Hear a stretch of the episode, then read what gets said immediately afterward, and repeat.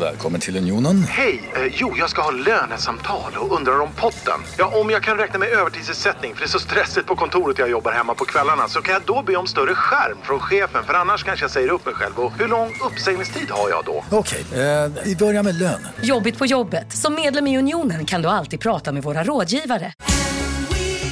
Just nu till alla hemmafixare som gillar Julas låga priser. Ett borr och bitset i 70 delar för snurriga 249 kronor. Inget kan stoppa dig nu.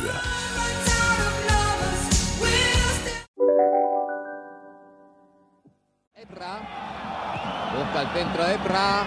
Atención a Moriente. Remate de Moriente. Gol. qué golazo. Qué golazo acaba de marcar Fernando Morientes elevándose por encima de Mejías. Acaba de marcar el segundo. Ahora sí que hay peligro.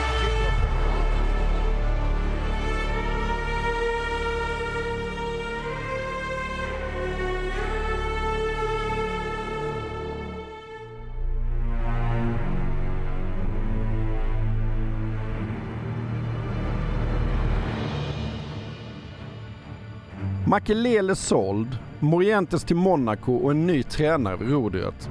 Vad tycker han om detta Erik?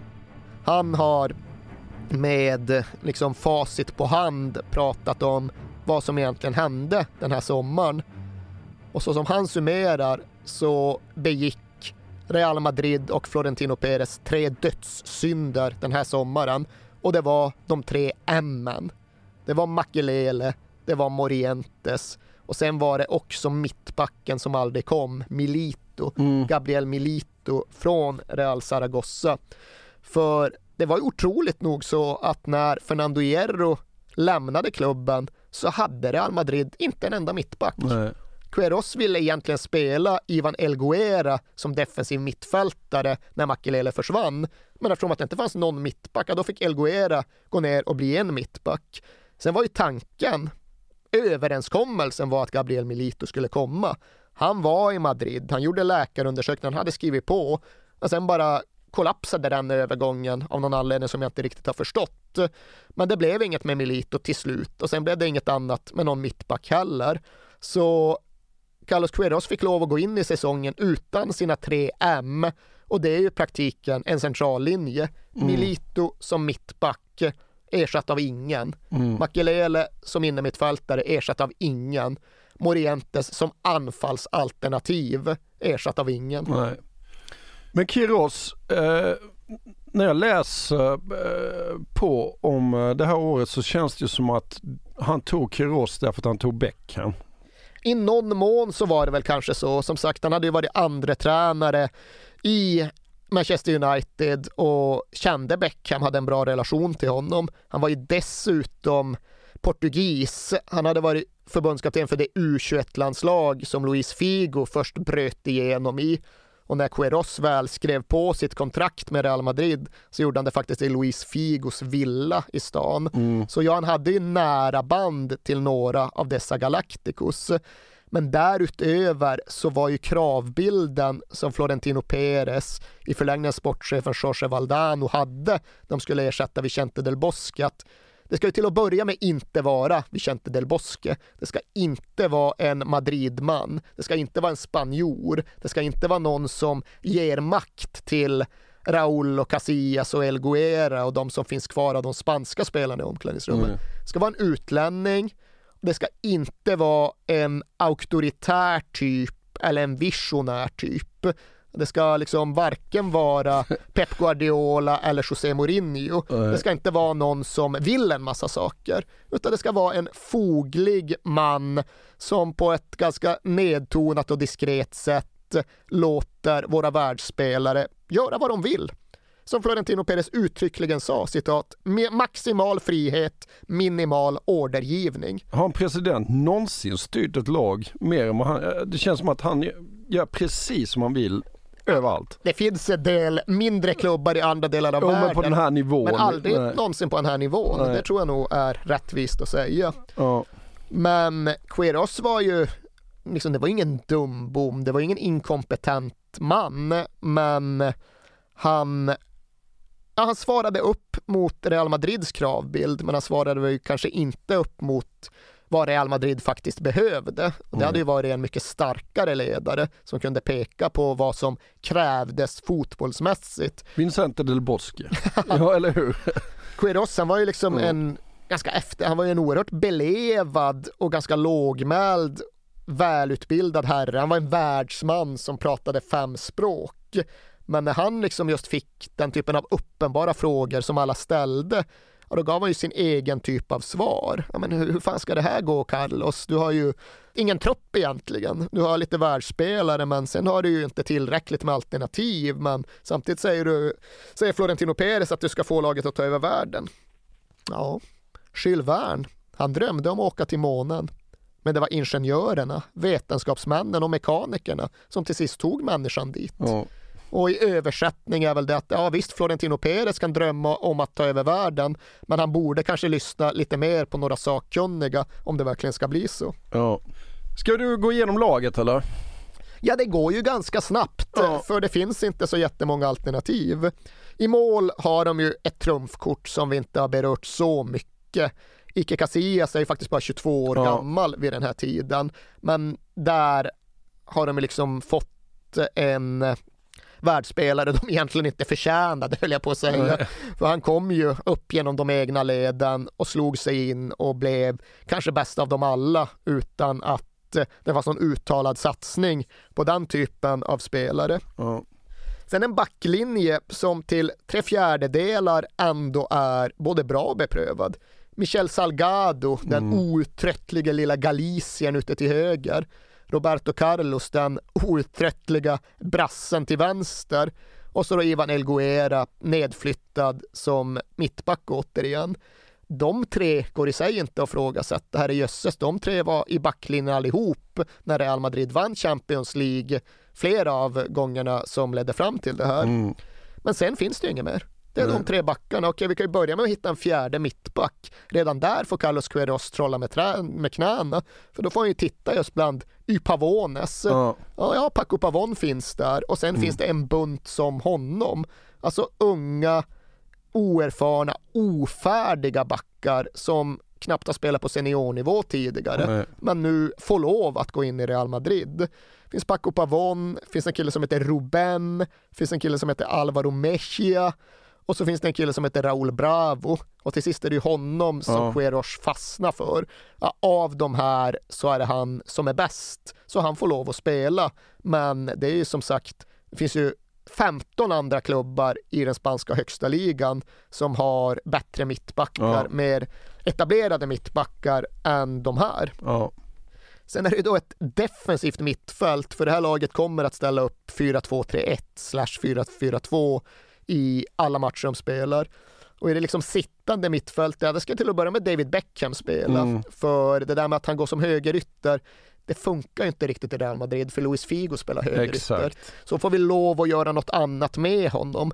Och det är inte så komplicerat, för Beckham själv har ju alltid velat vara inne mittfältare. Ja. Han ser ju sig själv som en quarterback som står där och fördelar. Så han tyckte det lät toppen. Mm. Men han ska då vara en inne mittfältare. Okej, och bredvid honom då? Ja, det vore ju fint att ha Makelele, men han finns ju inte. Nej. Så har vi två, det är vi Guti. Ja. Och Guti är ju, det är nummer 10 liksom. Ja. Även om med rätt mittfältspartner bredvid honom kan han absolut spela inne mitt, men det är en kreatör, en liksom skör begåvning Ja. som Konstnärssjäl. en konstnärssjäl Ja. som vill spela när det passar honom. Ja. Typ den sista inne mittfältare jag vill ha bredvid Beckham i ett sittande tvåmanna mittfält. Ja. Men det är han eller den i mina ögon väldigt underutnyttjade Esteban Cambiasso. Ja. För Cambiasso var ju fortfarande ung vid den här tiden, men han kan ju ändå utföra mycket av det som skulle behövas i den Vilket här han rollen. visade senare. Ja, men den här säsongen, han får bara nio starter. Ja. Han används väldigt lite. Och det vet jag inte riktigt hur Queiroz rättfärdigar. Men det är det som finns där. Det är inga Ja. fler alternativ. Utan det är någon, två av de tre ska spela defensivt inne mitt fält. Så här långt är ju ingen Champions League-mästare känns det. Sen Nej. händer det ju grejer, Ja. det får vi erkänna. Ja. Framåt så är det ju inte skitdåligt. Nej. Luis Figo kvar på högeryttern, det skulle liksom aldrig gå att flytta honom. Mm. Zinedine Zidane utgår från vänster, men skär ju in precis efter smak och tycke och är bäst av dem alla. Ja. Och så Raúl som spelar, inte som en ortodox tia, men han spelar inte heller som andra forward i ett tvåmannaanfall, utan han är ju second striker. Säger de segunda punta kanske i Spanien. Ja, ja. De kanske säger något helt annat, så jag borde inte Ja. mig på det. Men eh, liksom anfallaren bakom, bredvid, runt centralanfallaren. Och centralanfallaren är ju då såklart Brasse Ronaldo. Ja. Och det är ju bäst. Det finns ju inget annat lag i världen som kan mäta sig mot den offensiva armadan. Men även här är det ju så att det finns ju inga alternativ. Nej. Som anfallsreserv, som anfallsförstärkning, eller vad vi nu ska kalla honom, finns ju inte längre Fernando Morientes. Och Morientes hade ju varit jättenyttig Ja. med sitt huvudspel tillsammans med Beckham och Figo. Men istället finns det Javier Portillo, en ung spanjor som Mm. precis har fyllt 21. Och han skulle bli helt okej, men liksom om Ronaldo är 10 på skalan så var väl han 3, 4. ja, exakt. Ja. Och offensivt mittfält, ja det är Santi Solari. Och ja, han är bra. Han är det närmaste vi har kvar en medelklassman Mm. i den här truppen. Han kan hoppa in egentligen var som helst på offensivt mittfält och fylla alla roller på ett fullgott sätt. Men han var egentligen, det var någon som sa det, ja, det som finns i Real Madrid det är 10 A-lagsspelare minus en mittback då, 10 A-lagsspelare plus Solari. Mm. Det är truppen. Ja. Det är väl inte riktigt sant, för okej, väger man ihop allt och tar man in Cambiasso och konstaterar man att Portillo kan ändå göra ett hyfsat jobb, ja, man får ihop 16 A-lagsspelare Mm. och det är då inkluderat de som är färska och precis har fått sina första A-lagskontrakt. Men det är liksom 16 seniorer. Ja. Det är allt som finns. Ja. Det finns inget mer. Snacka om eh, ligga illa till om det blir skador alltså.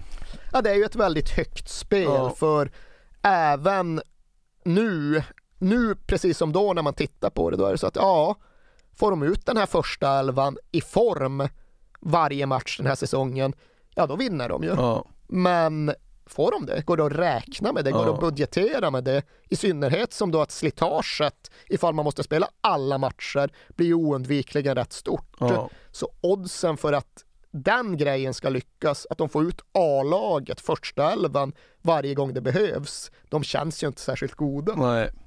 Okej, låt oss ge oss in i hösten då. Mm. Och det börjar bra. Eh, De hade ju den där premiärsegern mot Betis och strålkastarljuset ligger ju framför allt på David Beckham, så är det. Och det innebar att det faktum att han personligen fick en bra start, det bidrog till feelgood-faktorn. Efter Betis så får de åka till svåra Villarreal och där får de kriga. Och där gör fina Sonny Andersson ett helt fantastiskt mål för Villarreal. Har du sett det? Nej. Det är Marco van Basten fast på halvvolley. Det är exakt van Basten-volleyn fast från andra delen av straffområdet och med en studs liksom. Men den, den får du också lov att lägga upp. Ja, det ska vi göra. Får kanske paketera ihop ett Ja, ja. inlägg med lite drömmål från olika håll och kanter. Jag får fundera. Ja. Men de tar ledningen och Real Madrid ser ut att förlora. Men med fem minuter kvar slår Beckham hörnan som Nunez av alla obskyra konstiga spelare faktiskt nickar in kvitteringen. Y a los 40, córner de Beckham, cabezazo de Antonio Núñez y gol del Real Madrid.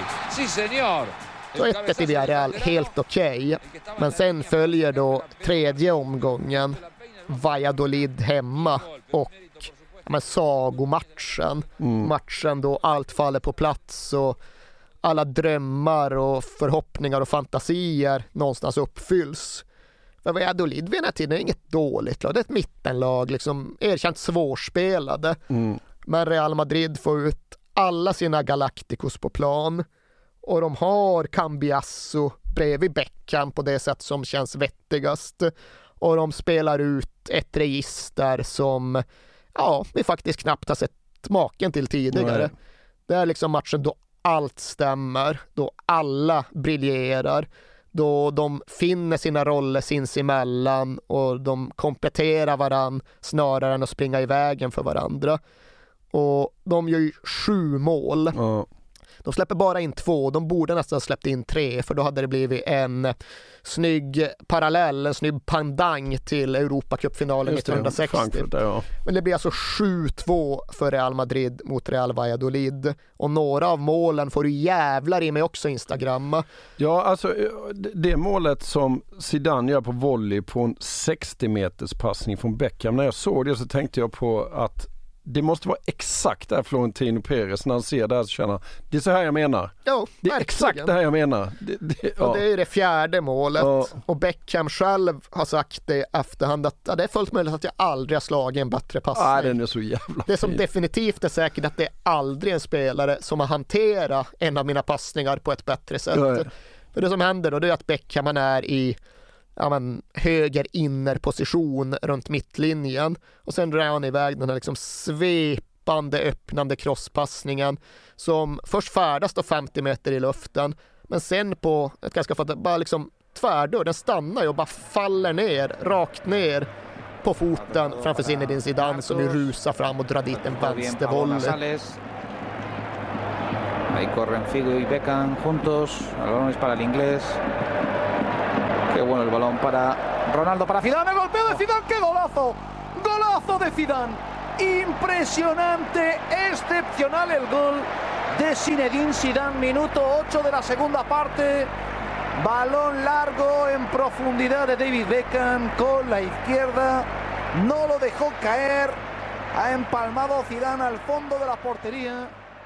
Sen kan jag ju ändå nästan hävda att det bara är matchens näst vackraste mål. Tänker du på Raouls lobb eller? Nej, det är det trea. tycker jag är fruktansvärt Ja, snyggt. det är fint, ja. men det är trea. Ja. Ettan, det kanske inte är etta, det är möjligt att Zidane Beckham samarbetet är bättre. Men Rauls första mål är ju det jag verkligen fastnar för. Det är som andra målet i matchen. När han gör det som jag i alla fall känner som ett Gianfranco Sola eller Roberto Mancini mål. Alltså han flyger och samtidigt klackar bollen bakåt och, och in i målet. Den flygande hoppande bakåtklacken. ja, just det. Ja. Eh, och det är, äh, vi får väl ha en omröstning om vilket som är den här matchens vackraste mål. Men jag menar att Rauls första är i alla fall inte långt ifrån att konkurrera mot Beckham och Zidane. Men Rauls andra, så gör- då lobbar han utan, alltså blind lobb. Ja, han vet precis vad han gör. Ja, det är trea. Och- Ja, Bronsplats ja alltså. ni, ni får avgöra, vi lägger ut det. Men som du säger, Florentino Perez, han löddrade ju såklart av förtjusning. Och Jorge Valdano var inte långt efter. Och Valdano, sportchefen, kommer vi inte ägna fullt så mycket tid som han egentligen förtjänar, för det är en intressant jävel. Han vann ju VM som spelare för Argentina, han var tränare för Real Madrid, han var den som släppte fram Raúl och gav honom sin debut.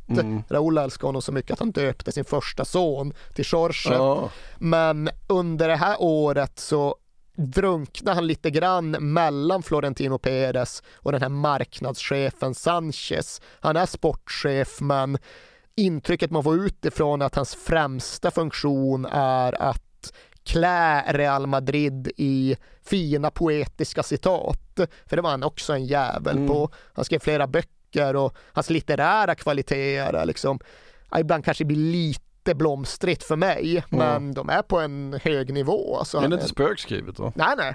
Han, är Ja, liksom, okej. nej, Ja. han är duktig på riktigt, intellektuell och stilistiskt driven. Men han sa ju efter då att Zidane hade slagit in den här bollen när han skulle prata om David Beckham och det faktum att ingen i världen hade samma bollträff som honom. Han träffar bollen så rent att publiken kan läsa namnet på bollfabrikanten medan bollen flyger. Och det är då för att beskriva men det här, den stillastående Ja, ja, bollen ja. när den är helt rent träffad. David Beckham, han laddar sina passningar med hemligstämplad information. Sen är det ju bara en sån som Zidane som verkligen kan avkoda den här Ja. hemligstämplade informationen och faktiskt göra fotboll och mål av den. Var en väldigt bra beskrivning faktiskt. Han, han, är, han är bra Ja, Valdano, Han ja. en man av ord. Ska vi snacka lite förlust också eller?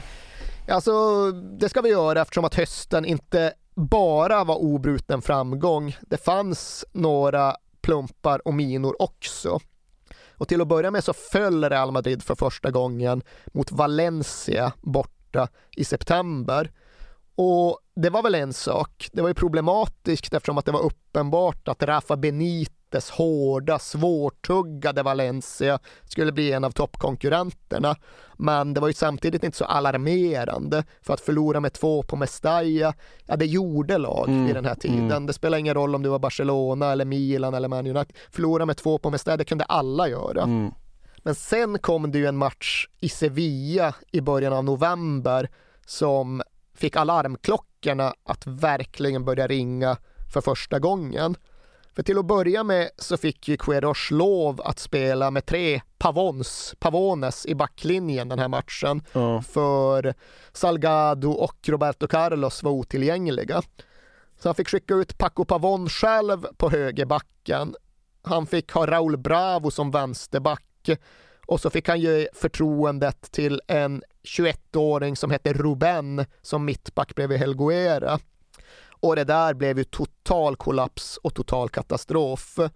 För det första som händer egentligen i matchen det är att Ruben ska nicka bort en boll men bara nickar den rakt på Elguera och sen studsar han in i eget mål. Så då är det självmål som i praktiken är Rubens fel och Real Madrid ligger under.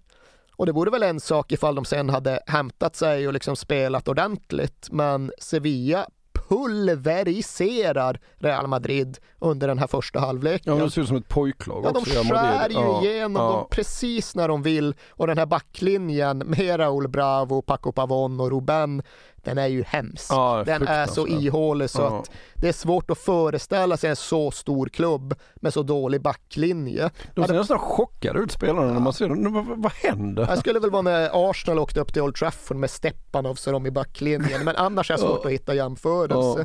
För de springer, Reyes är fantastisk eftersom att han får springa ostört. Mm. En ung Dani Alves, en Ja, tunn det, ja. ung Dani Alves med en så typ av cornrows i håret som de spanska kommentatorerna refererar enbart till Daniel. Jaha. Det var Daniel som springer Ja. fram.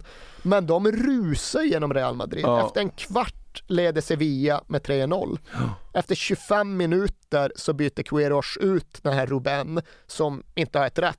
Nej. Och han sätter sig på bänken och bryter ihop fullständigt. Han bara gråter och gråter för han förstår ju också det här är sista gången han någonsin spelar ligafotboll för Real Madrid. Ja, Han gör ju aldrig det igen. Nej. Han gör någon cupmatch och där, men han spelar aldrig i ligan för Real Madrid igen och hamnade med tiden i typ Azerbajdzjan.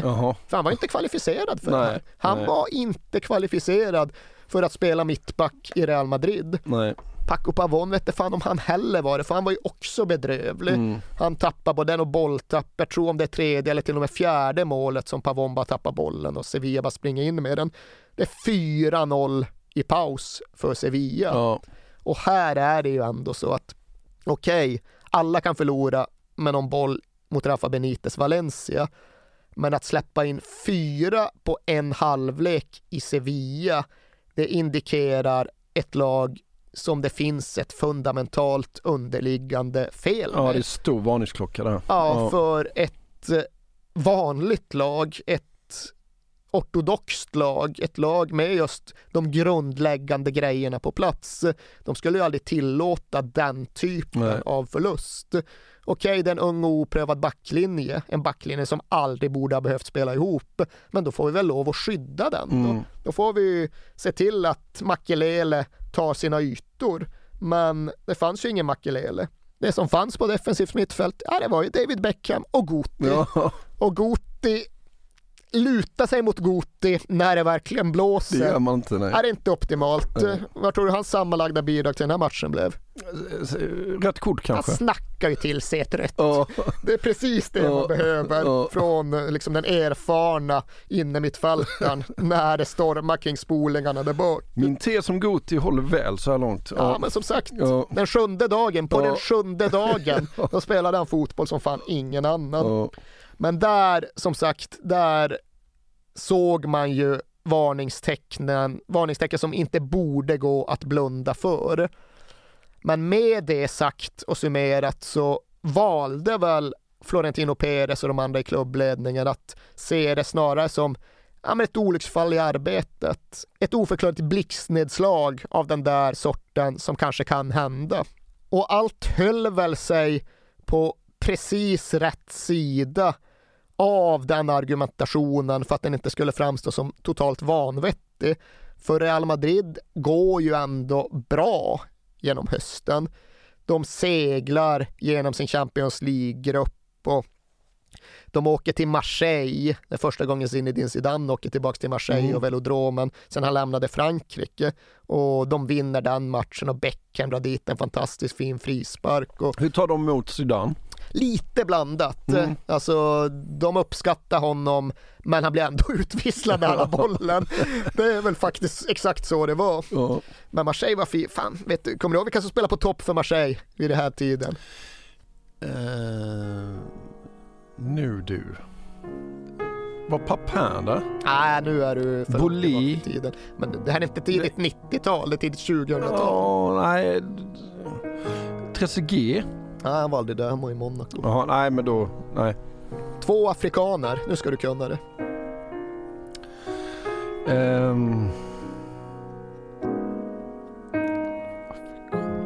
Var...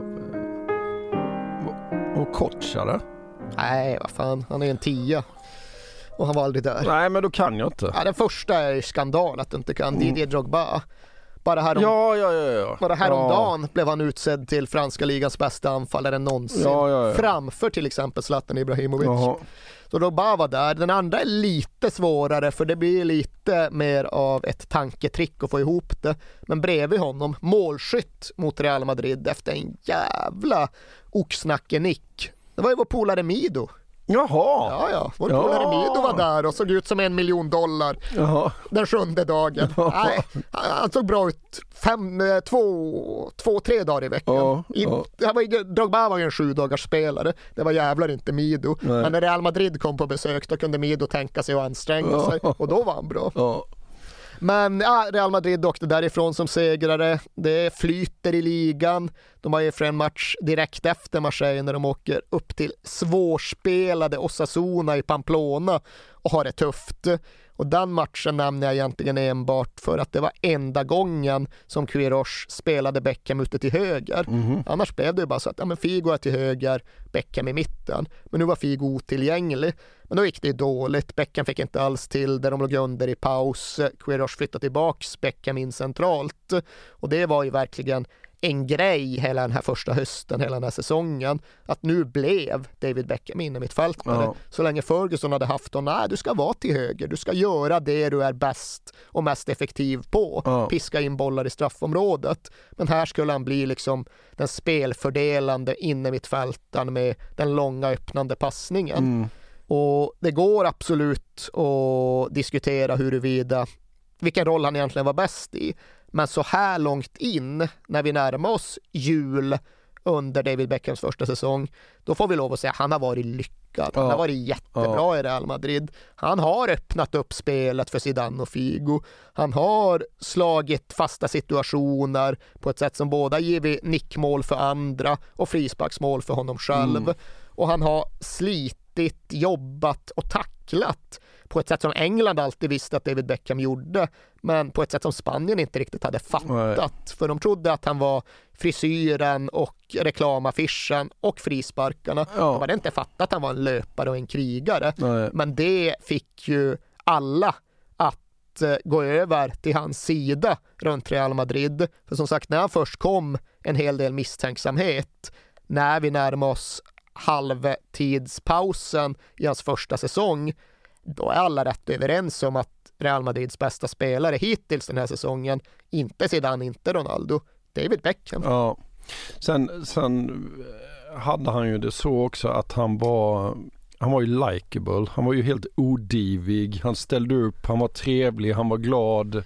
mot alla och tog Ja. ingen plats i Nej, omklädningsrummet, utmanade inga Ja, hierarkier. Så nej, han var, han var ju low maintenance egentligen. Vad en Alex Ferguson sa om den Exakt. saken. Så Ja. fick du bara in honom i fotbollskontexten så var det liksom aldrig några bekymmer runt David Beckham. Nej. Första klassikern då? Ja, den ska vi hinna med innan vi tar vinteruppehåll. Och den var ju speciell. Alla klassikos är speciella. Alla klassikos lever sitt eget liv. Men den här var extra upphettad av en massa anledningar. Men inramningen var väl någonstans att oj, kolla. Florentino Perez har fått allt på plats. Mm. Real Madrid mår bättre än någonsin tidigare. För nu har de alla de största stjärnorna, de mest berömda spelarna. Barcelona däremot, de har gått vilse och de försöker starta om under Joan Laporta. Men även om Ronaldinho har dribblat lite grann så är ju laget mer ihåligt och mer ojämnt och kanske sämre än någonsin tidigare. Kommer inte ihåg exakt var Barcelona låg i tabellen här i december, men det är djupt ner i tabellmitten. Mm. Så här var ju kontexten just att Real Madrid på toppen, Barcelona på botten, men samtidigt som det var på den här tiden, Luis Figo mer än någon annan i mitten av allt. Är det nu vi får höra om grishuvudet eller? Nu ska du få höra om grishuvudet. För det var inte det här året grishuvudet kastades in, men det var året omedelbart före. För det är klart att allting i relationen mellan Real Madrid och Barcelona, mellan Florentino Perez och vem som nu var Barcelona-president för stunden, det hade ju gått in i en helt ny fas som konsekvens av att Figo bytte sida. Och det första året han var tillbaka, ja då var det väl det som vi nämnde tidigare. Det var det mest fientliga mottagandet en fotbollsspelare någonsin har fått.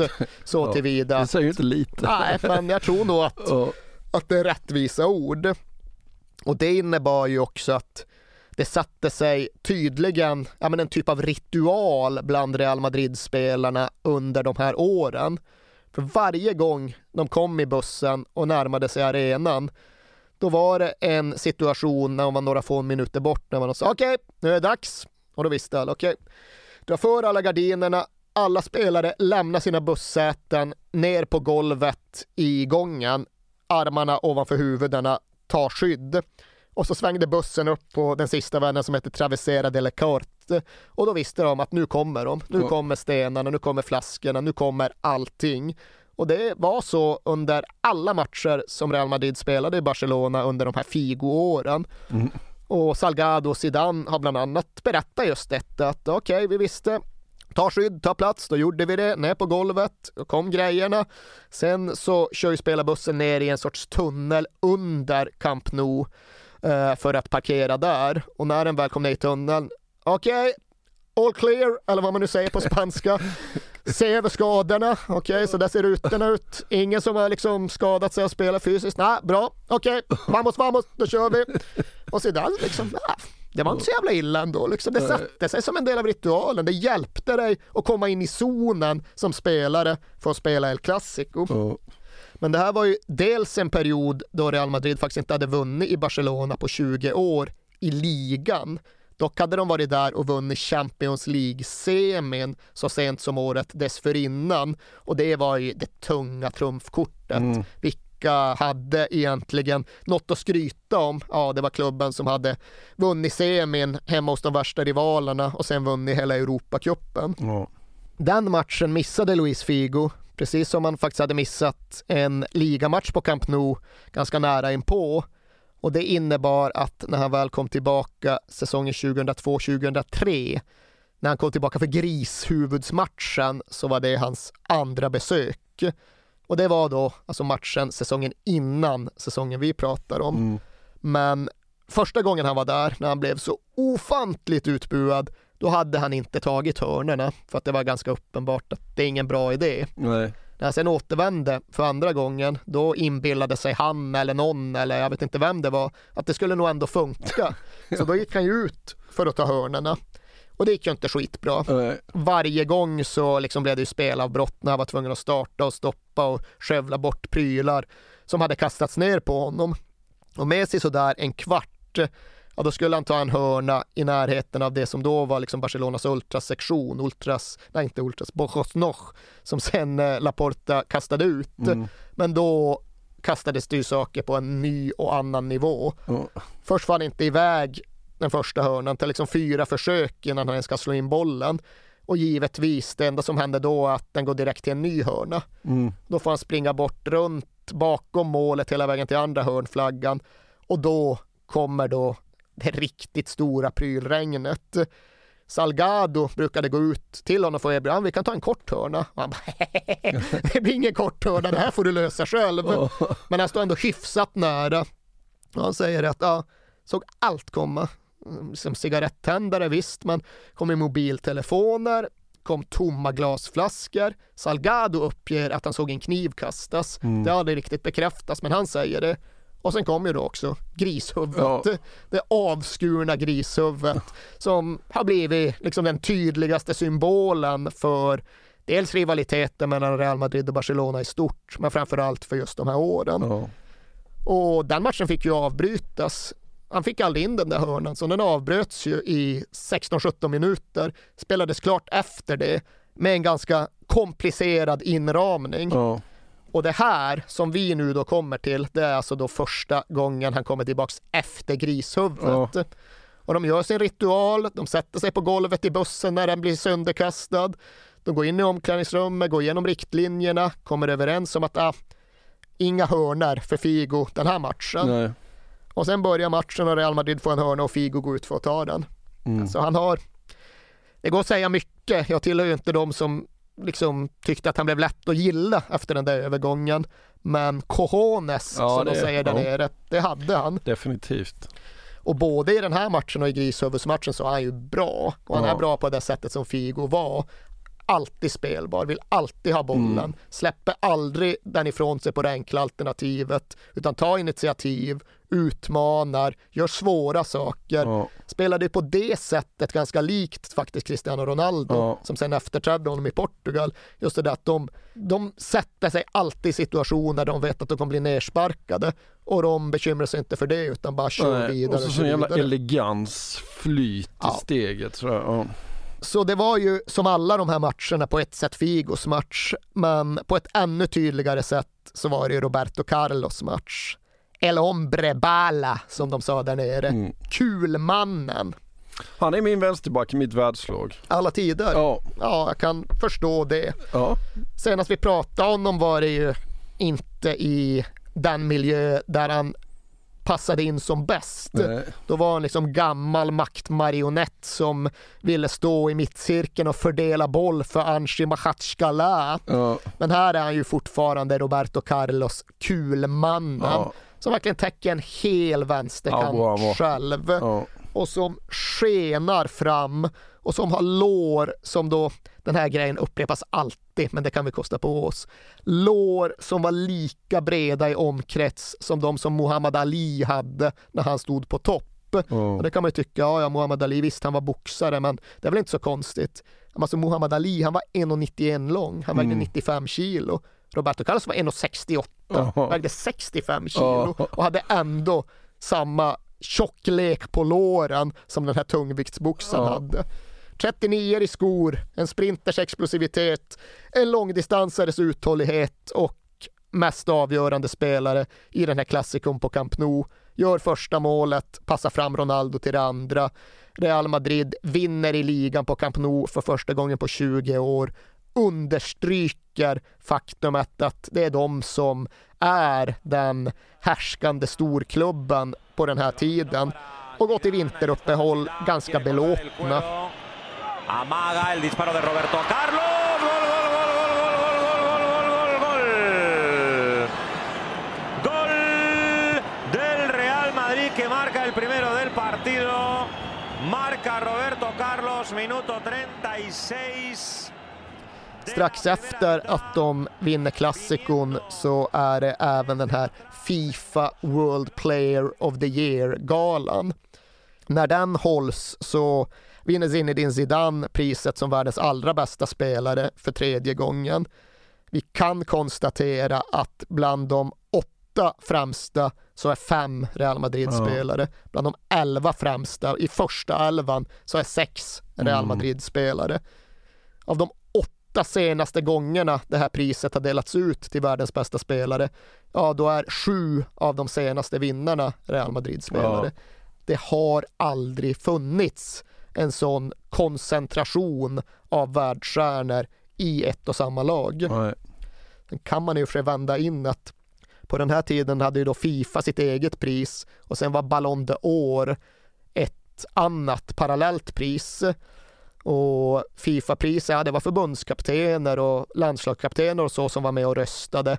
Men Ballon d'Or drevs mer av fotbollstycke bokare. Det var. L'Equipe va? Ja, det var ju Ja. de som var liksom organisatör. Men frågan är liksom, var det så att det ena priset var lite mer benäget att förblindas av stjärnglans än det andra? Var Ballon d'Or kanske, ja det var El Futboleros pris som Mm. Florentino Perez surt skulle sagt. För Mm. där var den bästa Real Madrid-spelaren samtidigt först på femte plats. Jaha. Och det var Zidane. Figo inte ens med topp 25. Nähä. Liksom, han var efter den 22 år i Zlatan Ibrahimovic som då var väldigt oslipad. Ja, ja, ja. Så där fanns det Vem var etta där då? Nedved tror jag. Ja, ja, ja, ja, det var fel. Men sen var ju Henri tror jag tvåa. Och där var Ja, och det var ju det som var skandal att Henri inte var etta. Ja. Men det var ändå intressant det där att se att ja, för de som kanske bara tittade med stjärnglasögonen på så är det klart att alla de bästa spelarna i världen spelar i Real Madrid. Ja. Men de som i lite större detalj tittade på vad som faktiskt hände på gräsmattan var det inte alls så självklart att det såg ut på det Nej. sättet.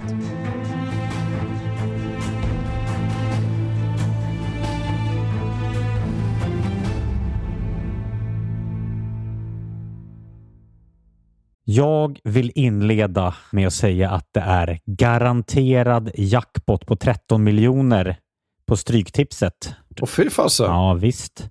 Skulle du behöva 13 miljoner eller? Ja, det skulle jag verkligen. Men vi måste säga först att vi är ju sponsrade av Stryktipset.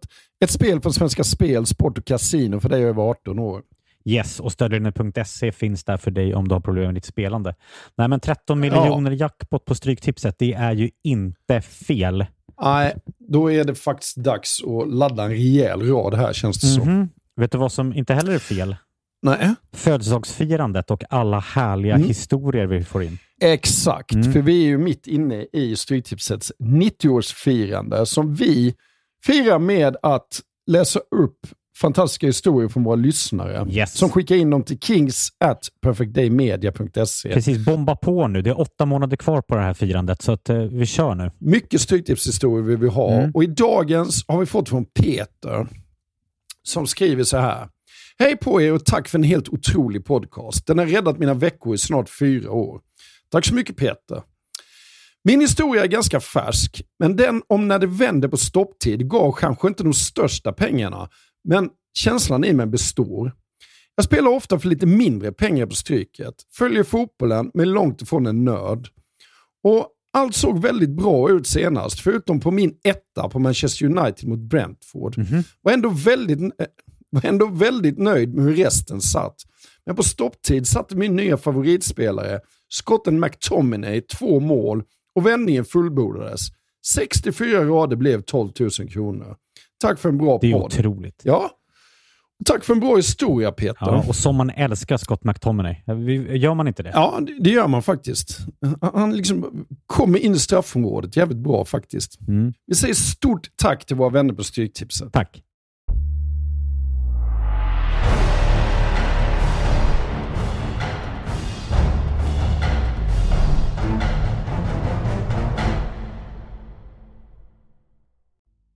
Vad hände under vinteruppehållet då? Jo, det ska jag berätta för dig. I första hand så passar David Beckham på att ta ledigt för ovanlighetens skull. Han är ju van vid att gå in i sitt mest intensiva matchande under jul och nyårshelgerna. Men nu får han ledigt. Och vad gör David Beckham då? Åka på semester? Det gör han och nu Ja. ska du, nu ska du få ett batteri av frågor som ska leda oss framåt i historien. Han åker på semester, men vart åker han? Ja, vad brukar de åka? Västindien? Han åker till Muonio. Jaha. Och vart befinner vi oss då? Nej, det vet jag inte. befinner vi oss högt uppe i norra Finland, i finska Lappland. Nu, för att den ska, det, det är jultomten bor där va? Ja, Exakt, en massa sån där skit. Jultomten han, han kan ju förläggas på en massa olika ställen. Vi brukar ha tomte-VM i Gällivare ska jag säga. Jaha, Eh, jo, det måste du uppskatta. ja, det bör- påbörjades först efter att jag flyttat. Men Muonio, det ligger ju alltså Muonioälven är gränsen mellan Sverige och Finland, den fysiska gränsen, så det ligger precis på gränsen till eh, svenska Lappland. Eh, vad finns på andra sidan? Vad finns på den svenska sidan av den här gränsen? Vilken är, vilken är närmsta tätort? Är det Haparanda? Nej, nu är det för långt söderut. Jaha. Det är inte torr nu. Malmberget? Nej, det är ingen jävla gränsstad. Vi är inlands... Nej men då, det vet jag inte Nej, det kan du faktiskt. Det vet jag att du inte kan. Nej. Modoslompolo. Ja, ja. Mm. Och när vi är i Modoslompolo, var är vi då? Vi är bara fyra mil, vilket givetvis är ett stenkast på de här breddgraderna. Vi är fyra mil från Sveriges nordligaste naturgräsplan. Och var är vi då? Är vi i Malmberget då? Nej, nej, nej, nej, nej. Men det... Vi ligger inte fyra mil från Modoslompolo. Nej men hur ska jag veta det? jag vet inte. Det är för jävligt. Vi är på Palovallen i Parkalompolo. Ja, Parkalompolo IK i norrfemman. Ja. Starka Parka. ja. just det. Ja. Det gör mig gott att jag har fått in Modoslompolo och Palovallen i Parkalompolo i ett avsnitt av Real Madrids Galacticos. Ja. Det är jag mycket nöjd och belåten med.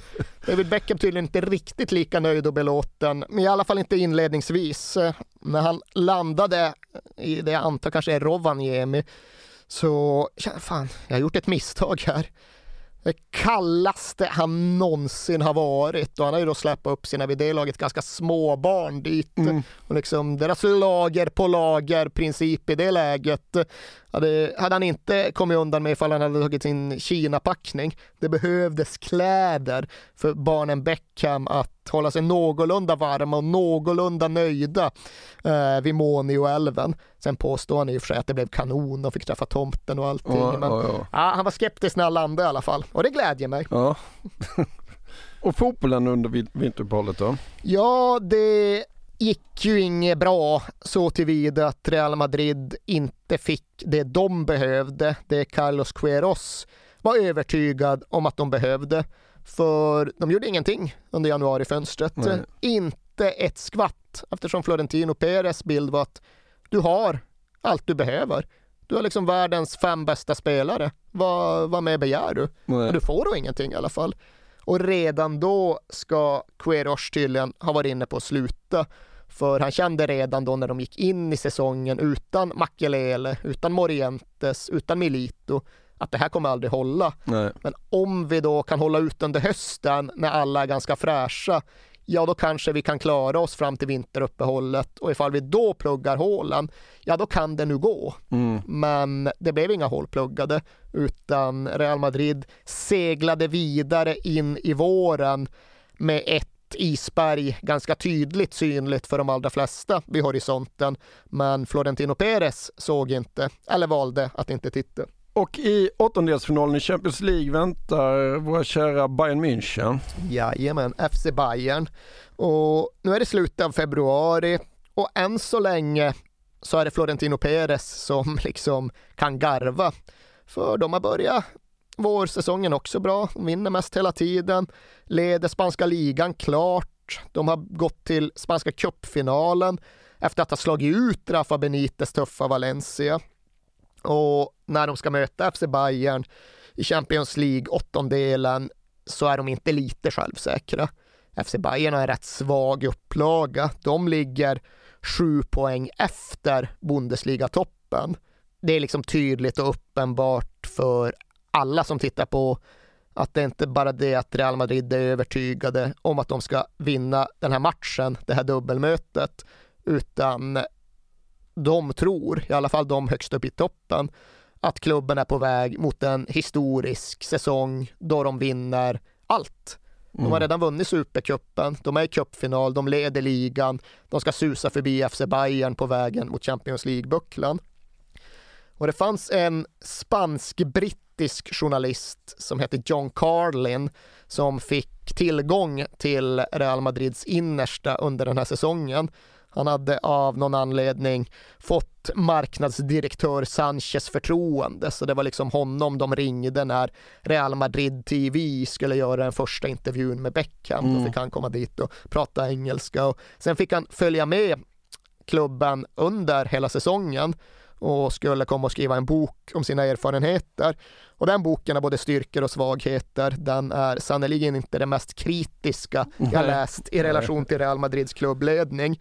Men det finns en passage just från när John Carlin sitter och käkar middag med marknadsdirektör Sanchez och med Florentino Perez kvällen före FC Bayern-matchen. Och Och den är nog inte tänkt att vara kritisk, men den framstår i eftertankens ljus som en väldigt bra bild av hur Real Madrid verkligen hade gått fel. För det är ju en middag, det är ett återgivande av en middag totalt stöpt och färgad av hybris. Mm. Och absolut, de skämtar när de sitter här och pratar.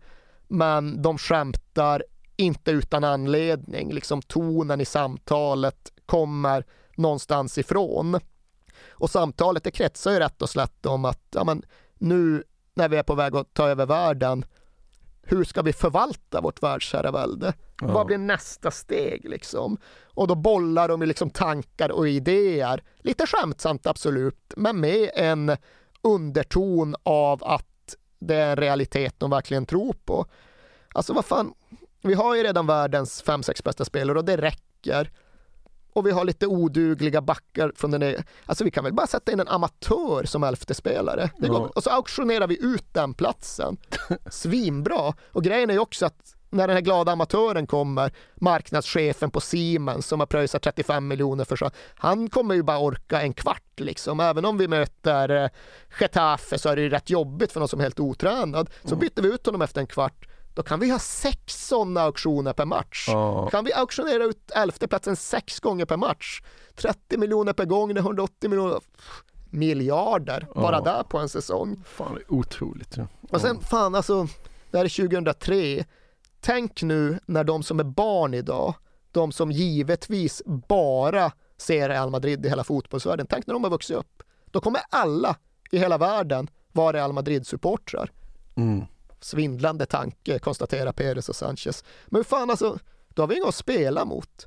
Nej, och nu visst, nu slår jag av i rena skämtsamheter, men fan då, då gör vi om det. Då, det här är inte sport längre, då är performance art. Ja. Då är det liksom scenkonst. Så tar vi bort målställningarna så låter vi bara morgondagens Zidane liksom dansa fram över gräset. Och så är det föreställningen som vi erbjuder. Ja. Och det är liksom middagen och det är en bra bild av storhetsvansinnet som verkligen hade satt sig i Real Madrid-ledningen. Och så var det, även om exemplen specifikt var skämtsamma, så var det ett tankemönster som absolut fanns där uppe.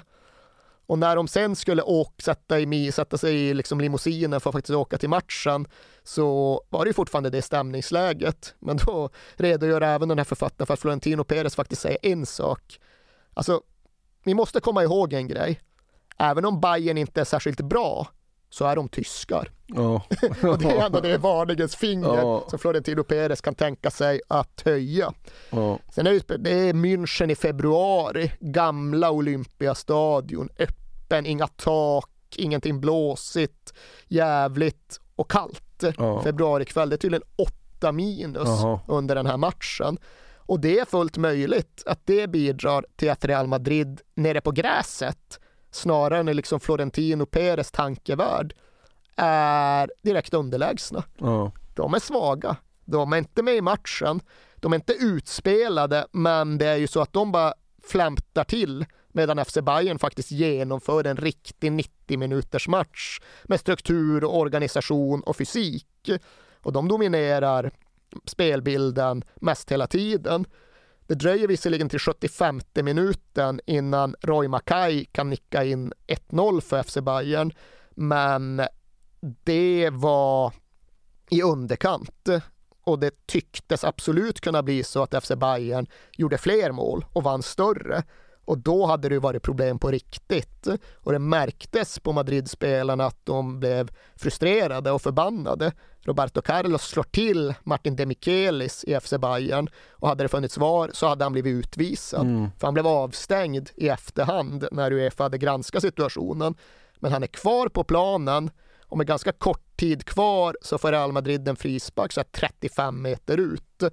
Och kulmannen Roberto Carlos skena fram och dra iväg en med hans mått mätt svag frispark som liksom en sorkdödare studsar längs gräset.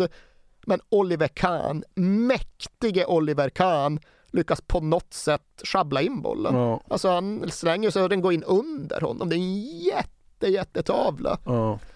Och som parentes, lite kul att konstatera att eh, tysk tv i efterhand hade Lotta Matteus som analytiker. Hon visade, fan kolla på bilderna. Det finns ju ingen spelare i Bayern som går fram till Kahn för att liksom trösta honom eller peppa honom. Mm. Nej, det är för att Kahn, han har suttit och kritiserat alla sina lagkamrater offentligt i media förut. Ja. Så det finns ingen av hans lagkamrater som kommer backa honom nu. Nej, nej, nej. Så det där var väl en situation och en match där Real Madrid kom undan med blotta förskräckelsen. De borde ha förlorat med 2 eller 3-0, men de får med sig ett fint 1-1 resultat. Och det innebar ju att det än en gång gick att liksom lura sig själv att allt var frid och fröjd. Mm. Allt var som det skulle. För några veckor senare så löser de returen också. Och det är egentligen inte genom en Galacticos triumf, även om det är Zinedine Zidane som gör det avgörande målet, utan det är en krigaseger. De två bästa i Real Madrid den kvällen, det är de två spelare som gör flest minuter för laget under hela säsongen. Det är de två mest pålitliga. Det är Ike Casillas som gör en jättematch och står i vägen för allt Bayern kastar mot honom. Och det är lilla Michel Salgado på högerbacken som kommer upp från ingenstans och vinner en nickduell i offensivt straffområde och på så sätt ger Zinedine Zidane öppet mål. Men de vinner med 1-0, de går vidare till Champions League-kvart, de får reda på att de ska möta lilla Monaco i kvarten och då befinner de sig i ett läge där ligaledningen faktiskt vuxit, som leder ligan med åtta poäng. De ska spela spansk cupfinal mot lilla Real Zaragoza. De ska alltså ha lilla AS Monaco i Champions League-kvart. Allt är på kurs. De verkar ofrånkomligen vara på väg att lyckas med den här historiska kvadruppen. Men det går också att säga att ögonblicket och slutsignalen går på Bernabéu den kvällen. Det är det sista riktigt reservationslöst lyckliga ögonblick som Real Madrid har den här säsongen. Just after 7:30 a.m. March the 11th. The time and date will haunt Spain forever. A series of explosions rip through trains packed with rush hour commuters arriving in Madrid. Some of the blasts from inside the carriages, some believed to be on the tracks. The result, a slaughter of innocent civilians. Rescue teams responded within minutes. Spain has for decades been used to terrorism from Basque separatists, but nothing, nothing like this. Detta var den 10 mars. Eh, dagen efter sker det som spanjorerna kallar Once M. Va? Exakt, 11M utlöst på svenska. Den 11 mars, deras 9-11. För då sprängs ju en serie bomber på pendeltåg i närheten av centralstationen i Madrid, Atocha-stationen. Och konsekvensen blir ju att 193 människor mördas. Det är den värsta terrorattacken någonsin i Spanien. Den värsta i hela Europa på sisådär 15 år. Mm. Och det är givetvis en djup och bottenlös tragedi som kretsar kring den spanska nationen i oerhört högre utsträckning än den påverkar en fotbollsklubb. Och den spanska nationen, den var ju som vi nämnde tidigare inne i en speciell fas under de här åren. De skulle bli en internationell maktspelare och en del av den strävan kan sägas ha varit premiärminister José María Aznars väldigt eh, uttryckliga och genomförda vilja att snabbt ställa sig på USAs sida när det skulle bedrivas deras krig mot terrorismen. Helt mot den allmänna spanska opinionen så hade ju Aznar låtit skicka trupper till Irak och Afghanistan och han hade försäkrat den amerikanska George, presidenten George Bush om att Spanien, eller i alla fall han, skulle minsann alltid stå bredvid och bakom USA. Känner du dig ensam någon gång? så kan du alltid se en mustasch bredvid dig. Mm. Som Aznar sa till Bush, den mustaschprydde Real Madrid-anhängaren Aznar sa till Bush. Ja. Jag vet inte om jag ska säga att det här fick konsekvensen att, för det låter kanske som att det är väl utstuderat och genomtänkt.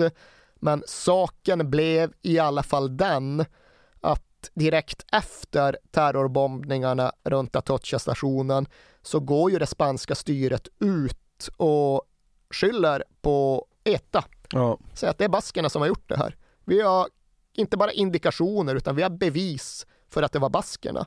Mm. Men i själva verket var ju sanningen en annan. Det var de extrema, militanta, islamistiska terroristerna som hade utfört det här dådet. På ett sätt talande liten parentes kan jag säga att en av dem som greps för attentatet, det var en marockan som hette Mohammed Bekali.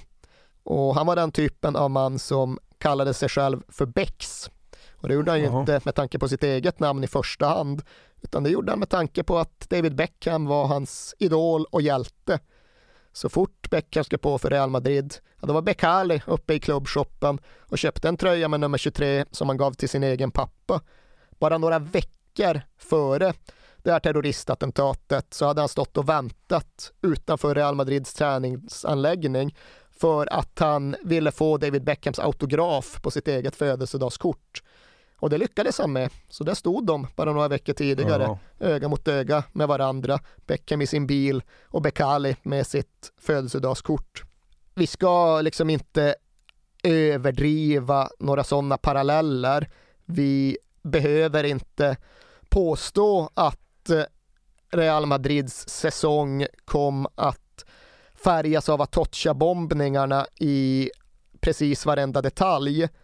Men det är ju fullständigt klart och tydligt att när Real Madrid väl skulle spela fotboll igen så gjorde de det i en annan stad och i ett annat land än det där de hade besegrat FC Bayern. För söndagen efter attentaten, då skulle Real Madrid möta Real Zaragoza. Och Det är bara två dagar efter ju. Ja, det skulle Ja. diskuteras där, väl tre dagar efter, men och det fanns ju en diskussion om huruvida matchen överhuvudtaget skulle spelas. Men det som till slut blev någon form av konsensusuppfattning, det var ju att matchen skulle spelas som en symbol för att livet skulle gå vidare och livet skulle bestå. Den mest citerade meningen som sen skulle sippra fram ur en av de här islamisternas avskedsfilmer. Det var meningen ni älskar livet men vi älskar döden. Och som ett led i att på något sätt demonstrera att spanjorerna och Madridborna fortfarande inte bara älskade livet utan levde livet så skulle Real Madrid spela fotboll bara några få dagar efter tragedin. Se va a guardar un minuto de silencio en memoria de las víctimas del 11 de marzo.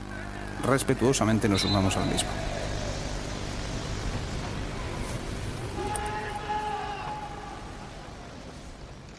Men såklart, det var ju speciellt och det var svårt. Det var en kväll då det fanns en handfull tomma platser på Bernabeu och det var platser där det stod levande ljus nedställda. Det var då platser där det hade funnits säsongsbiljettsinnehavare men de inte längre var i livet. Och rent krasst fotbollsmässigt blev det en match där det framstod som att Real Madrid av förklarliga skäl inte var särskilt närvarande. De fick bara ut två Galacticos på planen från start och liksom det lite reservbetonade gänget som spelade var väl inte heller så där extremintensiva. Så det blev bara 1-1 mot Real Zaragoza, men det kunde ju verkligen vara hänt. Okej, ligaledningen mot Valencia krympte från 8 till 6 poäng, men ja vadå då? Det fanns viktigare saker och det blev ju väldigt tydligt bara i den spanska nationen samma dag, samma dygn. För då hölls det ju val. Mm. Ett val som kom då omedelbart på terrorattentatet, omedelbart på att Aznar-regeringen helt felaktigt hade gått ut och skyllt på ETA. Och jag tror att den politiska analysen som är gällande att det hade gynnat dem ifall det hade varit ETA rent opinionsmässigt. Men det missgynnade dem att det var islamister med tanke på att Aznar hade skickat spanska trupper till Mellanöstern och Afghanistan. Ja, den politiska analysen är nog både krass och sann. Ja. Och verkligheten blev ju att eh, Aznar förlorade valet. Istället för hans högerparti PP så vann socialisterna med Zapatero Barcelona-anhängaren Zapatero. Mm. För de som bryr sig om sånt. Och det är typ hela Spanien. Och ja, Spanien hade blivit ett annat land under den knappa vecka som hade gått från det att Real Madrid besegrade FC Bayern över terroristattentaten via Tocha, över det spanska parlamentsvalet. Och bara några dagar eller fyra dagar efter att de har spelat mot Zaragoza eh, oavgjort så är det ju dags att möta dem igen i spanska cupfinalen. Ja precis och med tanke på att det är cupfinal på neutralplan i Barcelona så är ju inte det en match det går in och vara lite frånvarande i och liksom säga att ja, våra tankar var på något annat än fotboll alltjämt. Utan det här är ju givetvis en match som Real Madrid förväntas vinna och som det är viktigt för Real Madrid att vinna i den lilla sportsliga miljön. Men de gör ju inte det. Överraskande nog, sensationellt nog, så vinner Real Zaragoza. Och det är trots att Real Madrid på många sätt får matchen dit de vill. De tar ledningen när David Beckham drar dit en frispark från långt, långt håll.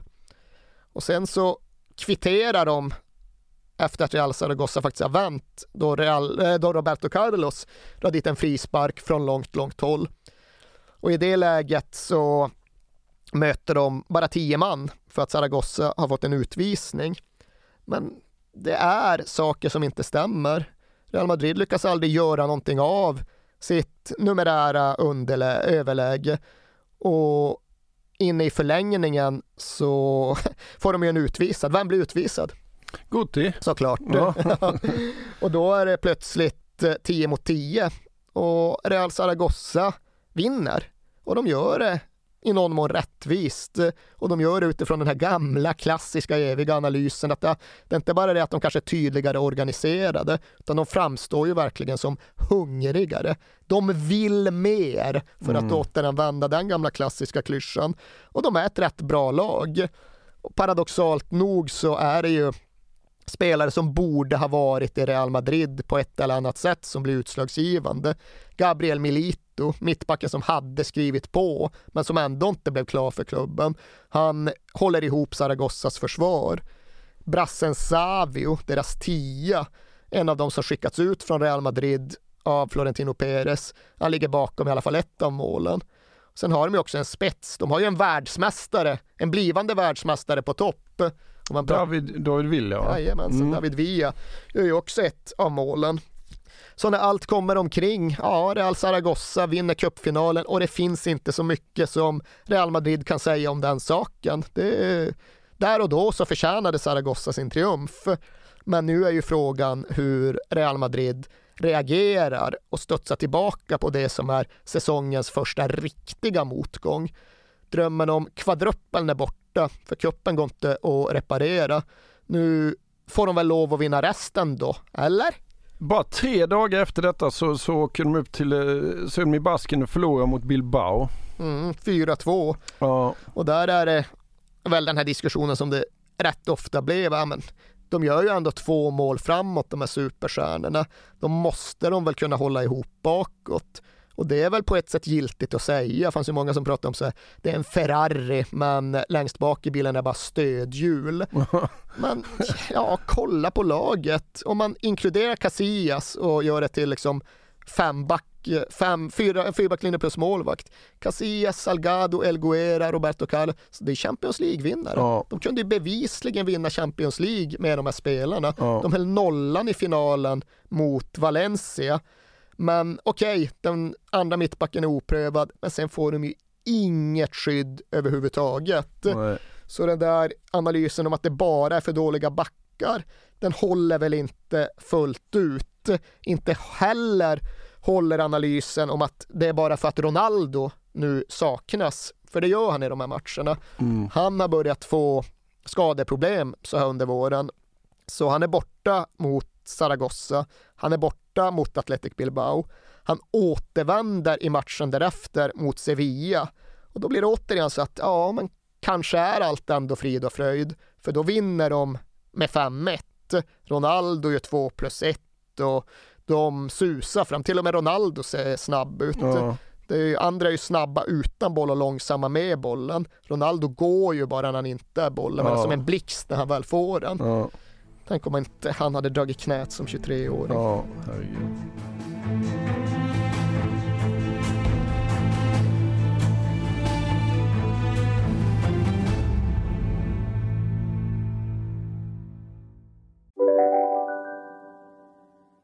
Ja, Hallå? Pizzeria Grandiosa? Jag vill ha en Grandiosa capriciosa och en pepperoni. något mer? Med kaffefilter. Ja, Okej, ses samma. Grandiosa, hela Sveriges hempizza. Den med mycket på.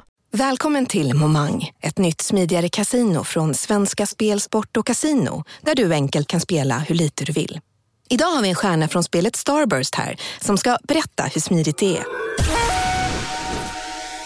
Jaha, så smidigt alltså. Momang, för dig över 18 år. Stödlinjen.se. Just nu till alla hemmafixare som gillar Julas låga priser. Ett borr och bitset i 70 delar för snurriga 249 kronor.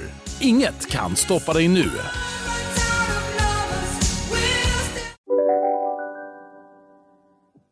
Men mitt i allt så ska de även eh, spela Champions League-kvartsfinal och där väntar Monaco då.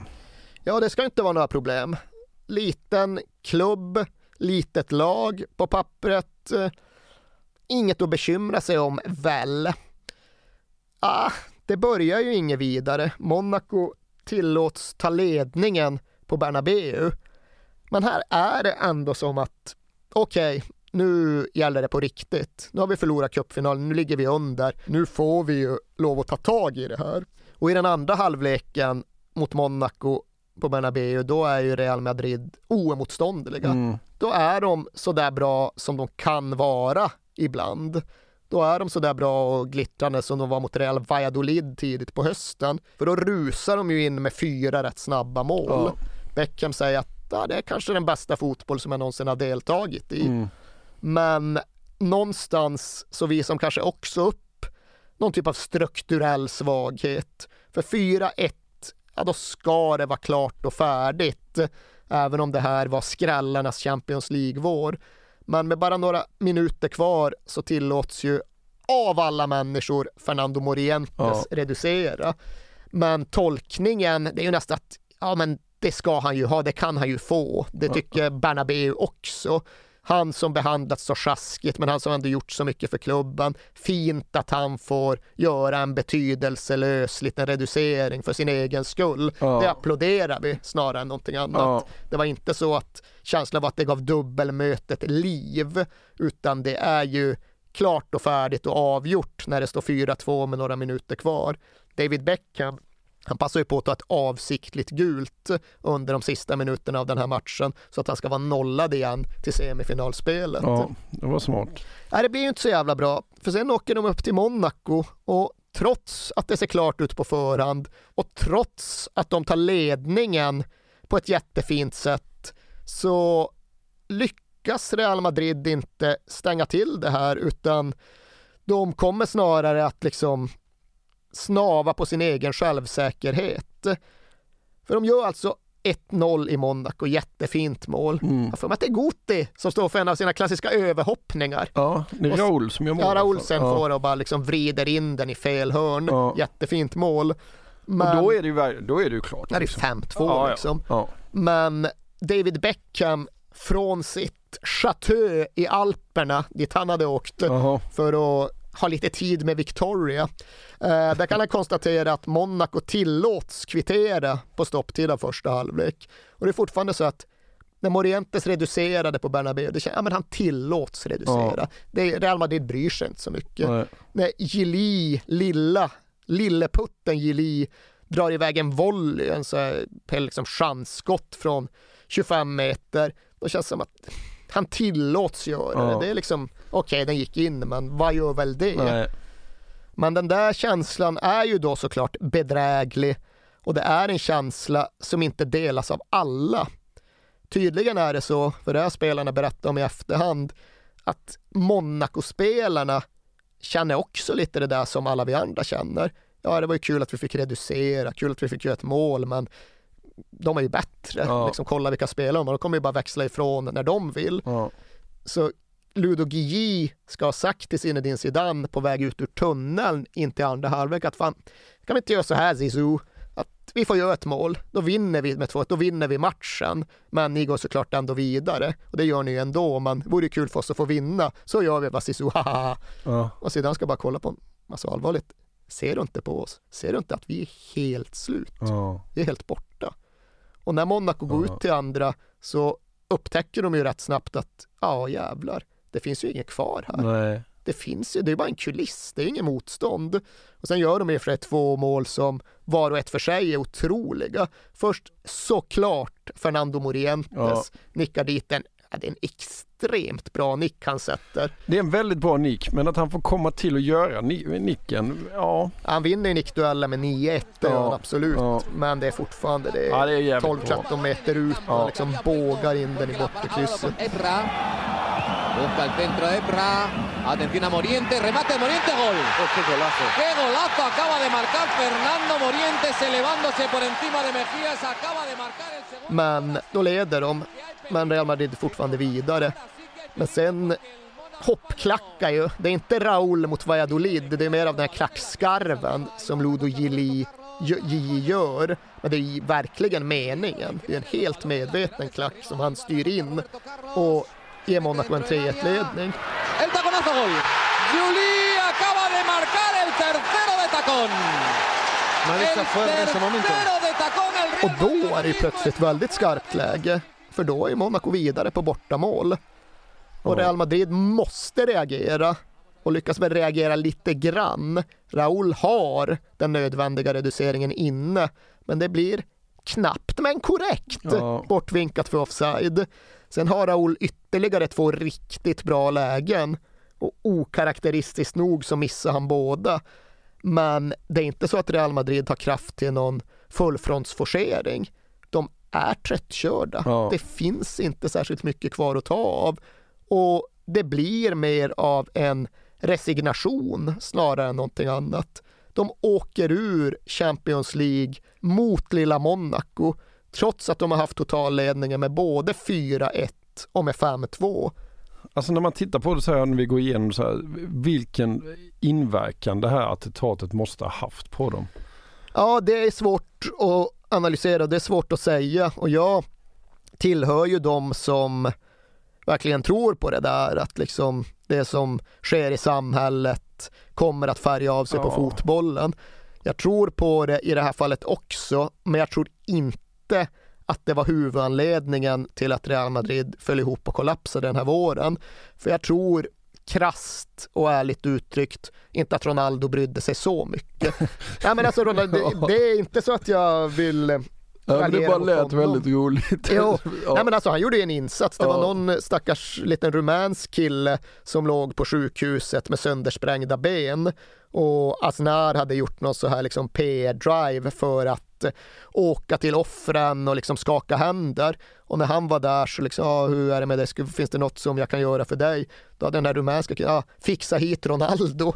Ja. Aznar hade ringt sin goda vän Florentino Perez, för de var ju personliga kamrater. Mm. Och Perez hade liksom katten på råttan ringt till Ronaldo och sagt hörru nu får du åka till sjukhuset, hälsa på den här rumänen. Och det hade ju Ronaldo gjort utan minsta invändningar Ja. eller knot. Hade varit jättebra med honom. Så, ja, de sa till mig att mina ben var slut, mitt knä gick, jag skulle aldrig kunna spela fotboll igen men titta på mig nu, det kommer gå bra för dig också. Ja. Så han, liksom, han gjorde en insats, Ja, han påverkas nog men jag tror inte jag tror Ja, inte att han fatt- var den typen som tog ett trauma med sig in i sin Nej, fot. jag fattar vad du menar, det var bara att det lät, det Jo. lät roligt. Nej, jag tror inte att det här var den typen Nej. av lag där det var huvudproblemet. Det kan säkert ha tyngt Ike Casillas en del, men han var ju den som var bäst av dem Ja. under våren. Jag tror att förklaringen fanns någon annanstans och förklaringen är ju den som vi redan har varit inne på och antytt och peka på ganska uttryckligen också för den delen. Truppen var felbyggd, Ja. truppen var inkomplett. Ja. Och de, nu har de alltså förlorat spanska cupfinalen. De är utslagna i Champions League. De har sju matcher kvar i ligan. Och vad händer då? Ja, till att börja med så ska de ju möta lilla Osasuna hemma på Bernabeu och nu väntar man ju på att ja, men reaktionen, rekylen, kraftsamlingen, liksom det beslutsamma beviset på att ligan ska de i alla fall ta. De förlorar med 3-0 hemma mot Osasuna. Naturligtvis Osasunas klart dominanta spelare, en grabb som heter Valdo. Real Madrid-fostrad, kommer från deras juniorled, utkickad av Florentino Perez som vill bygga på ett annat sätt. Och ja, matchen tidigare var då Fernando Morientes Ja. som hade i praktiken sänkt Real Madrid. Nu är det lilla Valdo och det här förstärker ju liksom kraften i den pågående kollapsen. Det är liksom all symbolik som vi överhuvudtaget kan hitta, den går liksom också mot Florentino Perez. Och i det här läget så är det ju absolut så att de som vill se ett annat Real Madrid än Florentino Perez Real Madrid, de som vill se liksom det tuffa, spanska, mer traditionella Real Madrid, deras vrede blir ju väldigt synlig. Och det kom också under precis den del av våren när, jag vet inte vad vi ska kalla det, David Beckhams andra liv kom ikapp honom. Mhm. Ja, vi måste ha med det, Ja. för det är verkligen en del av berättelsen här också. Eh, Det hade ju alltid funnits en tabloid vilja att skvallra runt David Beckham, men det hade egentligen inte funnits så värst mycket fog för det fram till nu. Rätt eller inte, sant eller ej, han hade i hög utsträckning kommit undan med bilden som en familjeman av helylle-tyg. Mm. Men precis under den här perioden av säsongen så briserar ju ja, men avslöjandet som News of the World ändå har. Att David Beckham har haft en affär med den här kvinnan som heter Rebecca Luce som jobbade på hans agentur. Ja, just det. Och det finns så jävla mycket som är smutsigt och sjaskigt med allt det där, inte minst från journalistiskt håll. Hon ska ju ha fått sådär 15 miljoner i pröjs för att göra sin kiss and tell. Men det är obestridligen så att det där påverkade David Beckham Ja. väldigt mycket. För han spelade mycket sämre generellt efter vinteruppehållet. Han kom liksom aldrig in i rytmen efter det. Det hade varit kontraproduktivt för honom med lite vila och en tur till Muonio. För Han, liksom, han eh, tycktes aldrig komma i fas igen efter det. Men sen blev det ju också en större och större sak att han inte fick ihop grejerna utanför planen. För när han först flyttade ner då hette det ju att ja, men nu ska vi happy family, nu ska vi leva och bo i Madrid och barnen ska lära sig spanska och komma in i tillvaron här. Men varken Victoria eller parets barn var i Spanien överhuvudtaget Nähä. egentligen under Det det här första jag. året. Nej, de kom att flytta dit senare men under det första året var de nästan bara i England. Jaha. Victoria ville tydligen inte vara i Spanien eh, av en rad olika skäl, men hon såg till att barnen gick kvar i sina engelska skolor och det fick en rad konsekvenser. Det bidrog väl till att David Beckham gjorde grejer på sin kant i Var det Spanien. under den här tiden han då? Så var det ju. Ja. Dessutom så innebar det att han flög till England mest hela tiden. Mm. Efter i stort sett varje match, direkt ut till Barajas och sen vidare till Heathrow. Han var i England, inte en gång per vecka, han var i England ibland två gånger i veckan Jaha. under hela våren. Jaha. Och alldeles oavsett om det var liksom slitningar i förhållandet eller inte så fattar man att bara det reseschemat Ja, ja, sliter ju. Ja. Så Beckham var dålig. Beckham var ur balans. Laget var fullständigt ur balans. Laget var färdigt. Laget var slut. Ja, helt slut. Ja. Och i det läget vill man inte spela en Clasico mot eh, ett Ronaldinho-revitaliserat Barcelona. Men det fick de göra. Och även om de i någon mån tog sig i de vita kragarna och verkligen försökte skärpa till sig så var det inte längre tillräckligt. Det går att hävda att Real Madrid kanske var bättre i den här hemmareturen än de var i matchen i Barcelona som de faktiskt vann. Men allt flyt var slut nu. Mm. Allt gick emot. De förlorade den här matchen. Ronaldinho är bäst. Är det den passningen han slår åt Xavi? Exakt, exakt. Ja. Och den understryker ju det där med att det som världen såg på vintern, att Real Madrid var på toppen och Barcelona bara sjönk och sjönk. De kurvorna var ju totalt ja, omkastade. Ja. Barcelona hade legat 18 poäng efter, men nu så gick de förbi Real Madrid i tabellen. Ja. Barcelona hade fått nöja sig med Ronaldinho när Florentino Perez liksom förhandlingsmanövrerade ut dem när de trodde att de kunde lova David Beckham till Barcelona. Men nu är det ganska tydligt att man kanske får större effekt på Ronaldinho. Jo, precis. De hade blivit av med Luis Figo, men nu blir Luis Figo utvisad under den här klassikon. Och det var tydligen inte ens korrekt. När liksom domarfolket tittar på det i efterhand så blev utvisningen upphävd och Figo får spela vidare. Men liksom väldigt signifikativt för hur ebb och flod hade bytt plats mellan Real Madrid och Barcelona. Mm. Och det blev ju bara värre och värre. Det fanns liksom ingen respit, det fanns ingen väg ut. Det fanns inget kvar att hoppas på längre. Några dagar efter klassikon åker de upp till, till A Coruña och förlorar ju såklart. Mm. Och den gången är det inte Figo som blir utvisad, den gången är Zidane som blir utvisad. Men alla Galacticos har huvudet på helt fel plats och Ike Casillas gör en intervju efter man och säger ah, vi vill bara att det ska vara över nu. Och här är det ju en annan grej som vi inte har nämnt ännu, men som blir väldigt tydlig under just den här säsong, delen av säsongen. Vi pratar om en felbyggd, felviktad trupp ja, här finns det ju också ett ganska fundamentalt problem. För hela ekvationen var beroende av att Real Madrid skulle få ut sina klass, eh, Galacticos för att prestera bra i stort sett varenda match. Nu så ser de trötta och färdiga ut. Ronaldo är skadad mest hela tiden. Figo blir utvisad, Zidane blir utvisad. Och kolla på dem. Figo, han är 31. Ja. Zidane, han är 31. Roberto Carlos har fyllt 31. Beckham, och han är bara 29, men han närmar sig 30. Ronaldo bara 27, men det är väldigt gamla 27 ja, det det. i hans fall. ja, det är det. Så liksom åldersstrukturen är ju också helt fel ja. i allt det här.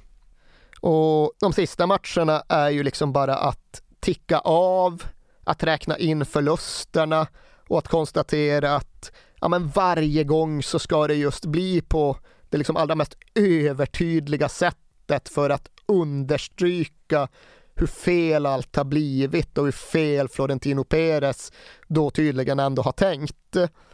Förlust mot Mallorca hemma. Ja, vem gör mål i den matchen två gånger om? Eto'o. Samuel Eto'o såklart. Ja. Och han struttar runt där på Bernabéu, skallar hörnflaggan, pekar ner i gräset och liksom vrålar “Jag är härifrån! Ja. Det här är mitt hem!” Det var ju där han ville spela. Ja. Det var där han tänkte sig att spela, men det var där han inte fick plats för Nej. att han var inte så lätt att marknadsföra. Lite senare, han tillhör fortfarande Real Madrid till 50 procent i det här ja, läget, ja, men bara någon månad senare går hela hans eh, licensiering över till Barcelona. Den förlusten innebar att ja, men det blev matematiskt klart att det blev Valencia som vann ligan den här säsongen. Valencia, okej okay, vad är det för gäng? Ja, det är ju Rafa Benites lag. Okej, okay, Rafa Benites, fostrad i Real Madrid, levt mm. sitt liv med Real Madrid, liksom verkligen en klubbman på ungefär samma sätt som Vicente del Bosque, men fick inget utrymme i klubben så som den hade blivit. Så han fick gå någon annanstans med sin kompetens och sin grundlighet och sin noggrannhet. Bästa målskytt i det Valencia som vinner både ligan och Uefa-cupen. En kille som heter Mista, Real Madrid-kille, ja. fostrad i deras juniorlag gått hela den långa vägen men kasserades när det väl sen var dags. Och visst, det är klart att det går att säga att ja, men Mista, han är inte bättre än Ronaldo. Nej, men Ronaldo gör inte 50 matcher Nej. på en säsong med bibehållen energi och effektivitet. Nej. Hade de haft Mista eller Morientes eller Mm. till och med Samuel Eto'o, allt inom räckhåll, Absolut. så är det klart att eh, situationen hade varit en helt annan. Ja. Men de förlorar mot Mallorca som sagt. De förlorar därefter mot Murcia, redan Mm. nedflyttade Murcia. David Beckham blir utvisad för att han skriker hijo de puta till linjemannen. Och det tyckte folk var kul för att oj, han har lärt sig en spansk fras. Ja. Och sen då sista matchen för säsongen. Real Sociedad hemma. Ganska liten baskisk klubb. Real Madrid förlorar med 4-1. Mm. Det innebär att de har förlorat fem raka matcher i den spanska ligan. Det har inte hänt i klubbens 102-åriga historia. Och de slutar inte bara säsongen tomhänt. Jag räknar inte Supercupen. Nej. De slutar säsongen efter ja, men det mest totala haveri en fotbollsflotta någonsin lidit av. Den mest fullständiga förlisning som jag kan påminna mig om att jag har skådat. Ja. Och det tog inte ens ett dygn och sen var Carlos Queiroz sparkad.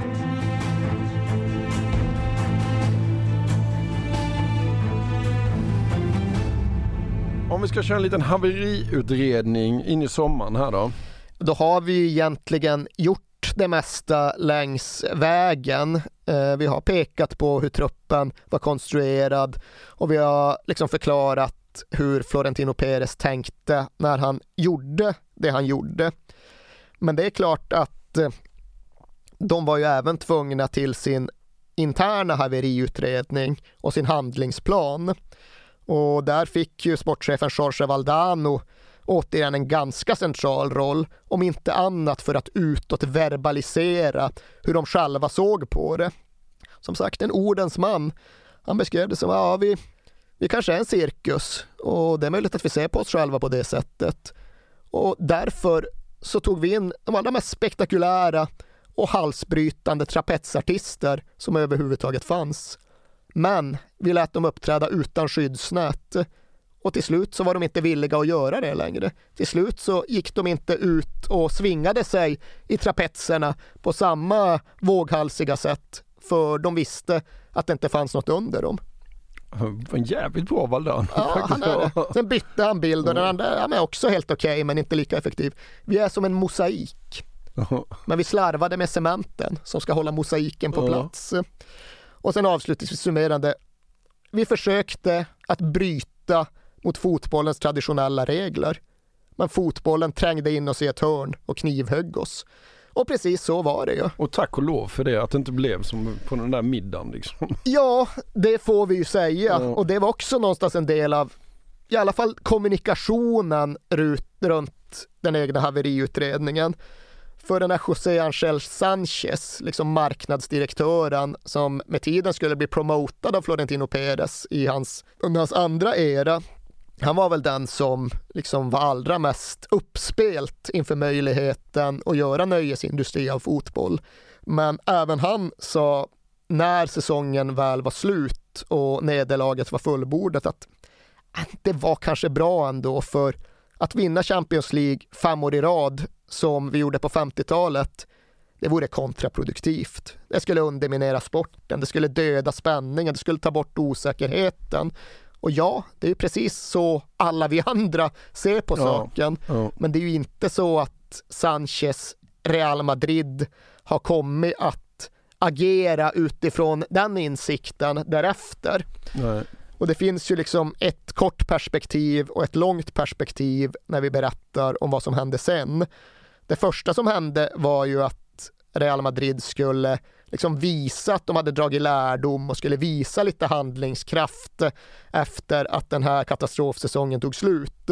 Så de kickade som sagt ut Queiroz sa att ja, ja, vi gjorde ett misstag, han var ingen ledarfigur, han ska alltid vara nummer två. Mm. Och istället tog de in då José Antonio Camacho Mm. som är liksom spanska madridismons machotränare nummer ett. Liksom. Mm. Det finns ingen som skriker så högt och svettas så mycket och bultar så hårt. Ja, det har med. LP-skivorna göra. Ja. Exakt, exakt. Så han kom in för att liksom skapa lite disciplin och Ja. lite vilja. Och så värvade de direkt Walter Samuel för att Mm. faktiskt ha en riktig mittback. Mm. Och sen hette det att de skulle ta in en defensiv mittfältare av världsklass för att på så sätt komplettera allt. Så de ägnade egentligen hela sommaren åt att jaga Patrick Vieira Mm. och var övertygade om att de skulle lyckas. Men när det sen inte blev så, ja, då tappade Florentino liksom lusten och tog han in Michael Owen istället. Ja. Och så gick de in i nästa säsong också med en helt obalanserad trupp och det kvittade hur mycket Camacho skrek. Han var Mm. borta ganska snabbt och de vann ju ingenting och Galacticosarna blev bara tröttare och äldre och ett år senare var Figo borta och den här liksom första versionen av Galacticos-laget var slut och över. Och de vann ju ingenting. Nej. Från det att Beckham kom dit så vann de ingenting fram till det att Florentino Perez faktiskt valde att kliva av. Mm. Han eh, sa upp sig som president, saknad av ganska få. Mm. Och det trots att han faktiskt hade överlevt ett omval direkt efter fiaskot som vi har pratat om. Nästan direkt därpå så kammade han in 94,2 procent av rösterna i presidentvalet och det var den största segermarginalen en Real Madrid-president någonsin har haft. Men när säsongerna gick och det bara blev sämre och sämre och hans idé om Zidans y Pavones helt enkelt inte verkade fungera så då klev han ju av. Och sen höll han sig borta i några år och sen kom han tillbaka. Ja. Och version två av Florentino Perez Real Madrid, det är ju det vi ser idag. Ja. Okej, de kanske inte har vunnit Champions League fem år i rad som på 50-talet, men de har vunnit fyra år av fem. Ja. Och det går verkligen att diskutera vad den överlägsenheten och vad deras position och vad liksom Champions League och toppfotbollen har blivit gör med det globala fotbollsintresset. Och det går också att diskutera i vilken utsträckning Florentino Perez hade rätt hela tiden, att han var den som kunde läsa vart fotbollen egentligen var på väg och i vilken utsträckning han har behövt anpassa sig. Ja. Det första han gjorde när han blev president igen, det var ju att ja, bränna igenom den största transfersommaren en fotbollsklubb någonsin hade haft. Ja. Han gjorde liksom fyra Galacticos år på en sommar. Det var ju då han tog in både Cristiano Ronaldo och Kaká och vad fan Ja. det nu mer var. Och när man ser på Real Madrid idag så är det ju inte riktigt det som de försökte göra 2003. Det är ju inte bara superstjärnor och halvfigurer utan det är mycket mer av en konventionell typ av lagbygge. Ja. Det är ju förmodligen världens största fotbollsklubb med världens starkaste dragningskraft. Och Florentino Perez har ju ofrånkomligen gjort mer än någon annan för att skapa och bibehålla den positionen. Men han har inte enbart gjort det genom att värva världens mest kända spelare under den andra vändan.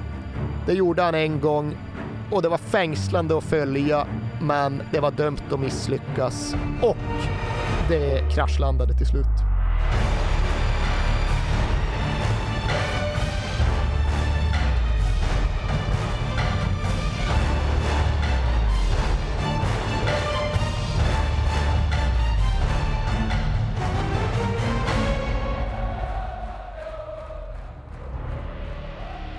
Du har hört When We Were Kings om Real Madrid 2003-2004. Fortsätt mejla oss på kings at perfectdaymedia.se och följ oss hemskt gärna på Instagram på www.k podcast. Vi hörs nästa vecka. Ha det så bra. Hej! Den här podcasten är producerad av Perfect Day Media.